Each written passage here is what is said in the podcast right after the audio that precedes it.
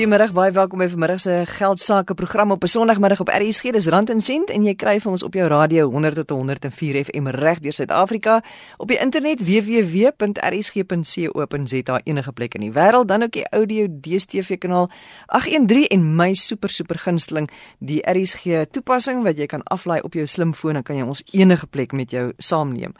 Vanmiddag het ek sommer twee vliee met een klap gekry as ek dit nou so kan stel. Jaco Forsie en Jaco Barnard, hulle is albei dosente aan die Noordwes Universiteit se Potchefstroom kampus. Jaco Forsie spesialiseer in finansiële bestuur en Jaco Barnard in bestuursrekeningkunde. Hulle twee is ook die skrywers van die boek Living Financially Carefree wat hulle beskou as 'n soort padkaart vir jou reis na finansiële vryheid. So ek gaan die hele program met hulle gesels oor verskeie aspekte van hoe 'n mens finansiëel sorgvry kan lewe. So dankie dat jy ingeskakel het en as jy in belangstel dan uh, kan jy gerus aanhou luister want dit is baie interessant vir enige een van ons. Uh dit maak nie saak hoeveel geld jy het nie. Uh dit maak saak oor hoeveel geld jy gaan wil hê. Maar eerstens, ek vra altyd vir luisteraars om te laat weet hoe lyk jou finansiële pad? Wat is jou finansiële geheime en wat is jou finansiële of jou geldfilosofie? Want ons wil graag leer by mekaar. En ek het al my kollegas hieroor gevra. Amore Becker is byvoorbeeld enkel lopend, sy moet vir haarself sorg. Hoe eh, beskou sy die saak? Etienne Ludik is weer 'n jong pa, hy het twee jong kinders. Uh, hy het hy moet ander planne maak want hy moet ook dink aan sy kinders se toekoms.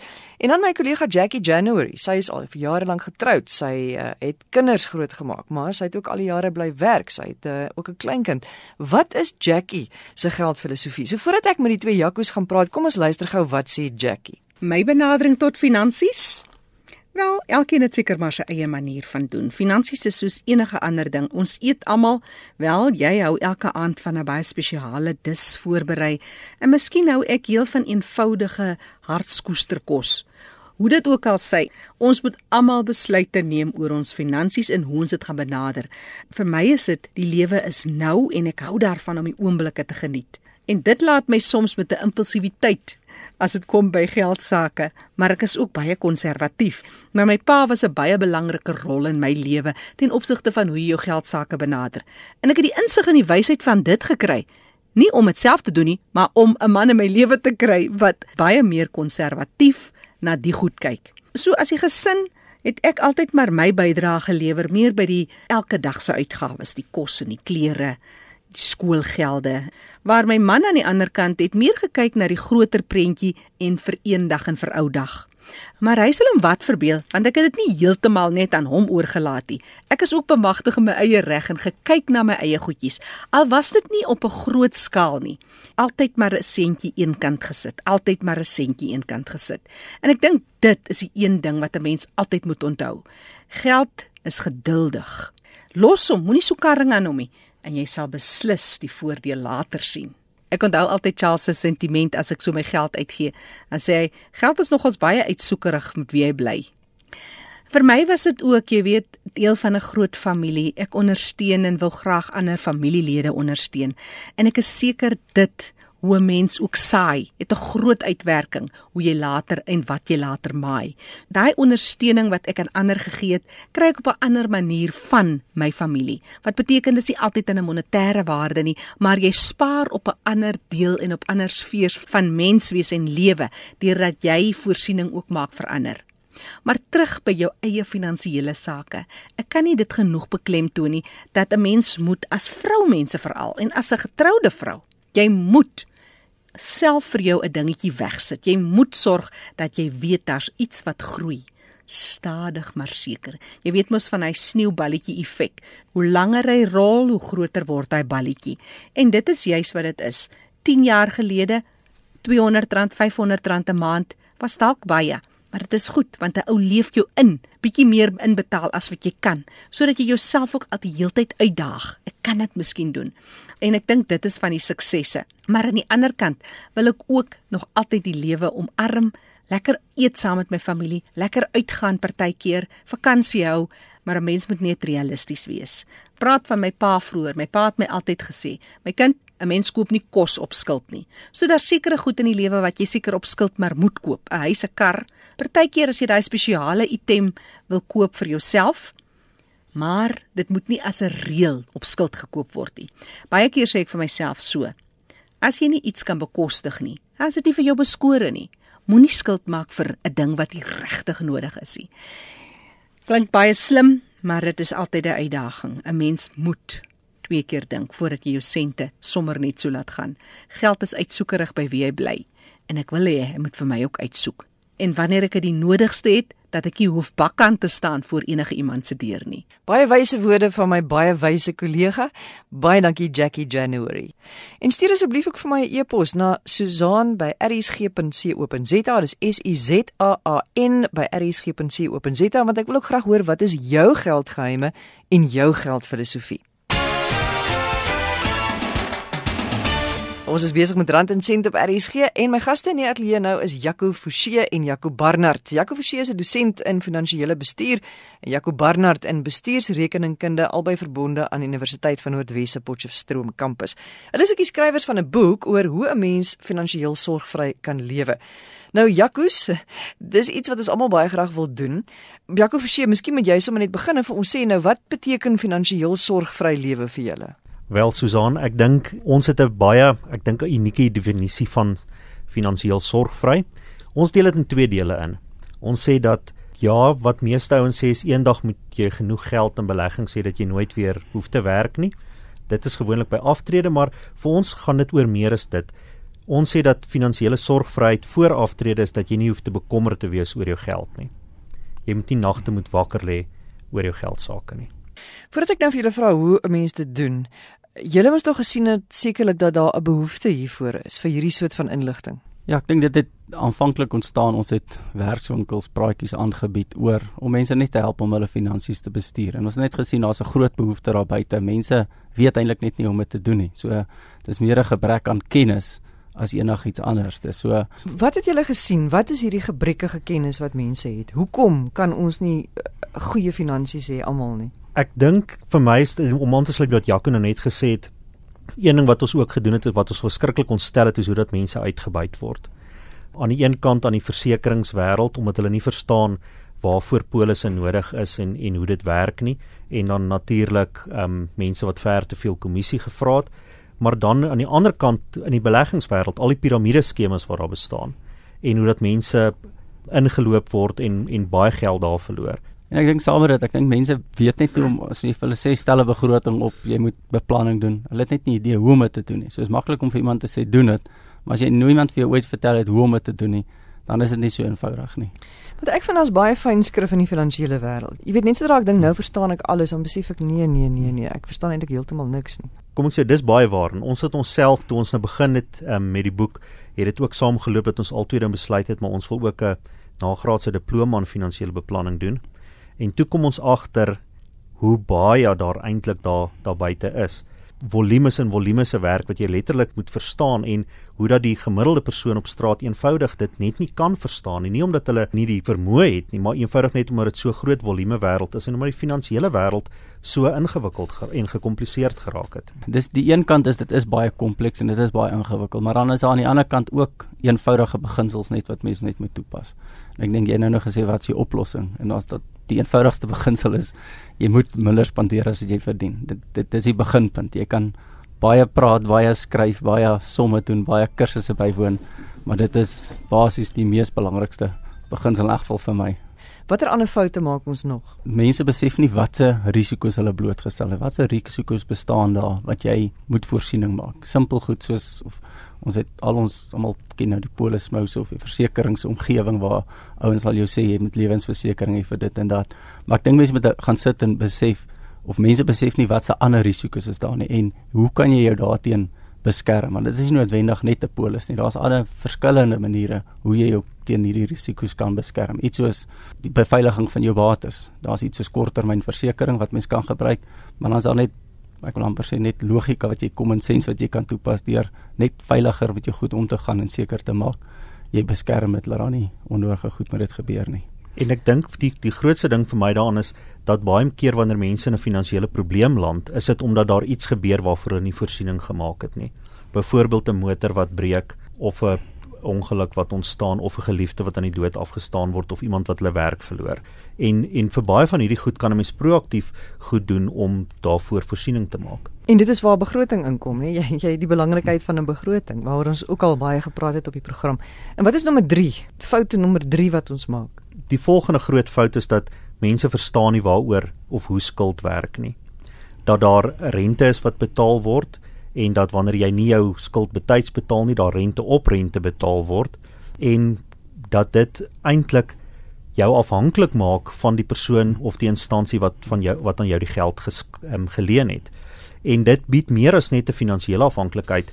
Um, ons het al baie keer gesien dat dit ook 'n sielkundige afhanklikheid of 'n sielkundige probleme vir mense veroorsaak, die feit dat hulle weet dat hulle so baie skuld het en dat dit jou half depressief maak in jou normale omstandighede. Ja, en uh, behalwe depressie ook jou jou fisieke gesondheid. Ons het so 2 weke gelede het ons juist daaroor gepraat hoe finansies en skuld 'n mens se liggaamlike gesondheid ook kan aantas. Ja, weer eens gaan dit terug na die gebrek aan kennis. As ons kyk na skuld, is daar 'n eenvoudige berekening wat ons vir mense wys hoe hoe werk skuld en hoe hoe lyk hoe word jou paaiement bereken en hoeveel rente betaal jy oor 'n 20 jaar periode.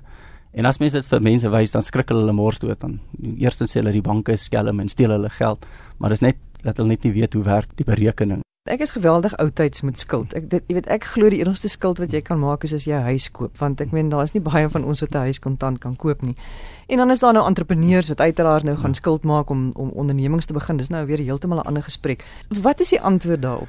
Ons het drie kategorieë vir skuld. Ons sê mense kry goeie skuld um, en goeie skuld is enige skuld wat jy aangaan om bates waarop jy kan inkomste verdien mee te koop. As jy tweede eiendom koop, sal dit kwalifiseer as goeie skuld. As jy geld leen om te gaan studeer, want dan maak dit dat jy kan 'n beter inkomste verdien. Dan ons tweede kategorie is onvermybare skuld en dis die skuld wat jy sopas na verwys het om 'n huis te koop. Niemand of min mense kan 'n huis kontant koop, so jy moet skuld aangaan om 'n om 'n huis te koop. Kar koop, voel ons, die jou eerste kar is onvermybare skuld want weer eens as jy begin werk het jy nie die geld om 'n kar kontant te koop nie. Maar enige motor daarna behoort jy soos jy sê te spaar en dan die motor kontant te koop.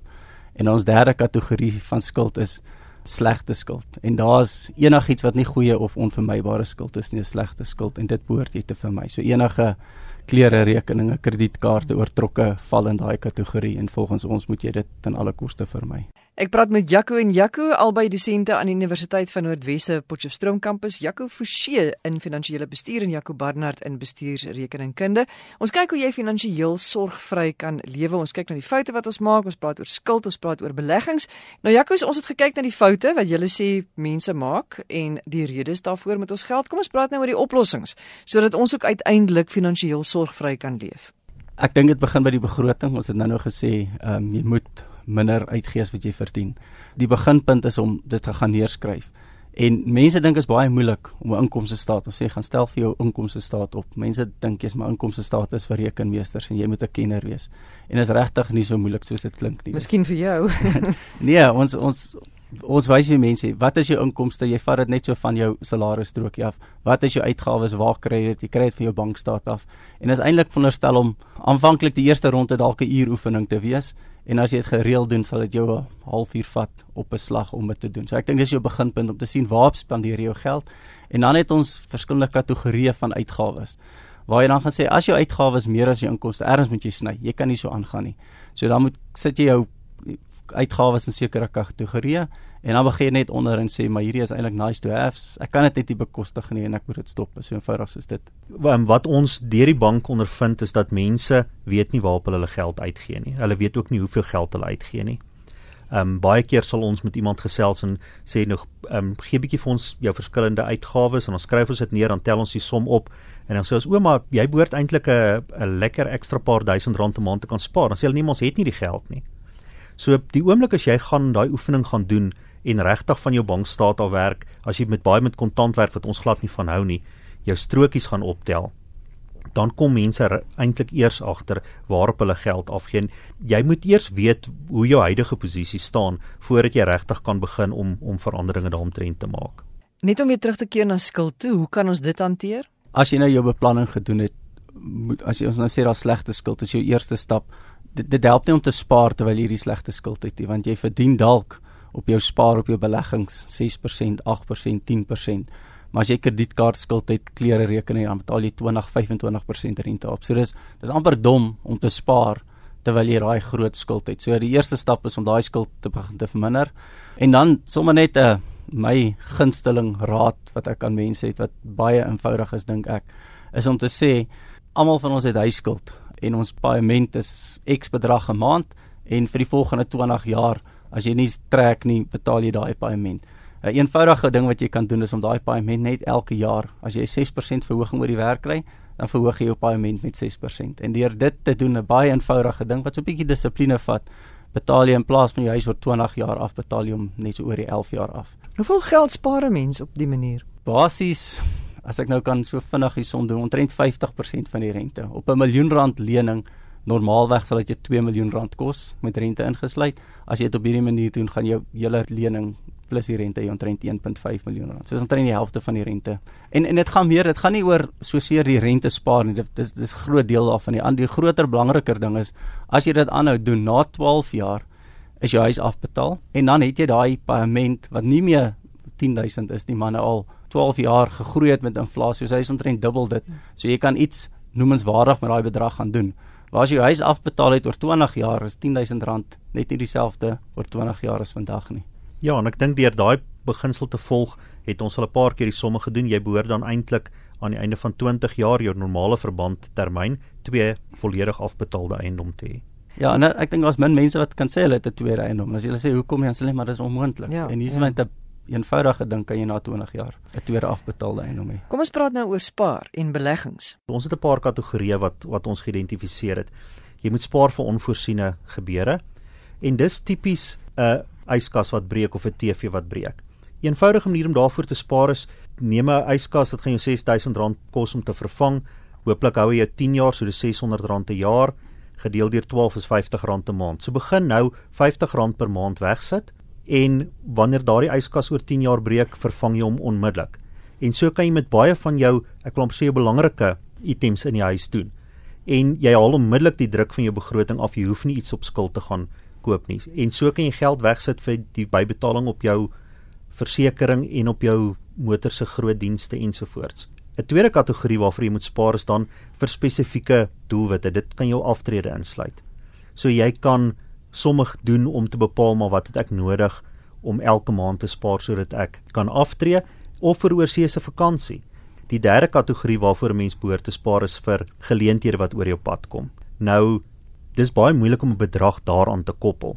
Maar wat ons al in ons eie lewens ondervind het is wanneer jy spaar vir onvoorsiene gebeure en vir hierdie spesifieke doelwitte wat jy het vir aftrede vir 'n oorseese vakansie of 'n nuwe motor, dan het jy geld beskikbaar wanneer so 'n geleentheid kom dalk om jou eie besigheid te begin en dit sit jou weer eens net in 'n heeltemal ander posisie as die gemiddelde persoon. Ek dink 'n vraag vir baie mense ook is pensioen. Wanneer is my pensioen genoeg sodat ek kan weet ek kan met 'n geruste hart aftree eendag? Ja, dis 'n moeilike of 'n vraag met 'n moeilike antwoord. Die eerste een is pensioenberekening en om genoeg geld te hê vir aftrede is 'n is 'n baie komplekse saak. So hierso beveel ons aan dat jy iemand kry, adviseur wat jou kan bystaan daarmee want dit is baie moeilik. Maar wat ons saam met dit wil sê wat nog meer belangrik is, moenie dink as jy pensioen is by die werk, jy is nou reg en dis jy spaar vir aftrede en dis genoeg nie. Die die somme wat ek wil amper sê meeste werkgewers maak is dat jou pensioengeld omtrent genoeg is om tussen 60 en 70% van jou inkomste te vervang met aftrede. En dis nou as jy aanvaar jy het van 25 af begin spaar vir aftrede by jou werkgewer, jy het nooit daai geld gebruik nie. Dis die ander ding sommer saam met dit. Baie mense verander van werk en dan is daai pensioen beskikbaar. Dan besluit hulle is dalk nou 'n goeie tyd om 'n nuwe motor te koop of selfs om die huispaaiement te verminder en ons sal dit glad nie aanbeveel nie. As jy dit wat jy gespaar het vir aftrede, is jou aftrede geld en jy moenie nou daaraan vat nie. OK, net so ter afsluiting, Jaco Forsie, 'n laaste woord van wysheid en raad van jou kant af. Ek dink vir my is die belangrikste met die finansiële wêreld wat so kompleks geraak het, dat jy soos enige groot besigheid vir jou 'n raad van adviseurs moet saamstel. Jy moet seker maak dat jy iemand by die bank ken met wie jy kan gaan praat om die regte bankprodukte te kry wat vir jou behoeftes daar is. Jy moet weet wie jou prokureur wat jou kan help met kontrakte. Jy moet weet wie jou rekenmeester wat jou kan help met jou belastingsaak of jou belastingkonsultant en wie jou finansiële adviseur wat jou kan help om al hierdie goederes te koördineer. Ons as verbruikers moet ons gedagtes hier rondom verander dat ons bereid raak om te betaal vir hierdie tipe dienste. As daar 'n pyp by my huis bars, dan kry ek dadelik die loodgieter uit. Ek vra hom nie eens vir 'n kwotasie nie, ek laat dit doen want dit is vir my noodsaaklik. Maar soms is ons huiwerig as dit gaan oor die gesondheid van ons finansies om vir hierdie dienste te betaal. Jaco Barnard Vir my is die belangrikste jy moet verantwoordelikheid aanvaar. Elke persoon moet vir sy eie finansies verantwoordelikheid aanvaar en saam met daai verantwoordelikheid moet jy besef jy moet die kennis inwin. Ja, jy moet adviseurs kry, maar jy kan ook nie blindelings hierdie ouens net volg want dis dis hoekom baie adviseurs baie keer swak advies gee want mense weet net nie van beter nie. So jy moet jouself um, bemagtig om meer van die goed te verstaan. Jy hoef nie 'n kenner te wees nie. Dis nie wat noodsaaklik is nie, maar jy moet weet wat in jou finansies aangaan. En die manier om jouself te bemagtig? Gaan lees daaroor, gaan gaan doen jou navorsing, laat jy dit goed verstaan sodat mense as hulle met jou praat oor finansies, laat jy weet waar dit gaan en jy jou eie finansies beter kan verstaan. So met ander woorde as jy besluit jy wil in aandele gaan belê, dan moet jy begin lees. Uh lees die koerante wat hulle gesê oor aandele, lees tydskrifte wat hulle sê oor aandele, luister op die oor die radio na praatjies oor aandele. As jy wil begin uh spaarplanne bymekaar maak, gaan lees oor spaarfondse, gaan kyk na die verskillende maatskappye waar jy kan spaar. Kyk wat het hulle alles beskikbaar. Dis die kern van die saak. Um niemand gaan verantwoordelikheid vat vir jou finansiële bestuur nie. Jy moet dit begin doen en dan meer belangrik is die ouers moet dit doen en dan moet hulle daardie kennis begin deel met hulle kinders. En ons sê baie keer as 'n laaste gedagte al vir my al veral vir grootouers ook.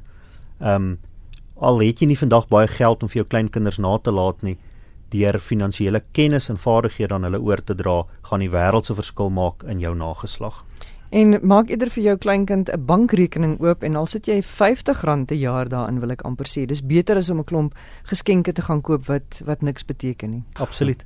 Saam met dit, as jy 'n bankrekening oop oopmaak vir 'n kind of dalk besluit om aandele te koop vir vir 'n kleinkind wat oor 20 jaar baie kan werk wees, as daai kleinkind oud genoeg is, gesels met die kind daaroor. So moet dit nie net in 'n bankrekening sit en dit los nie.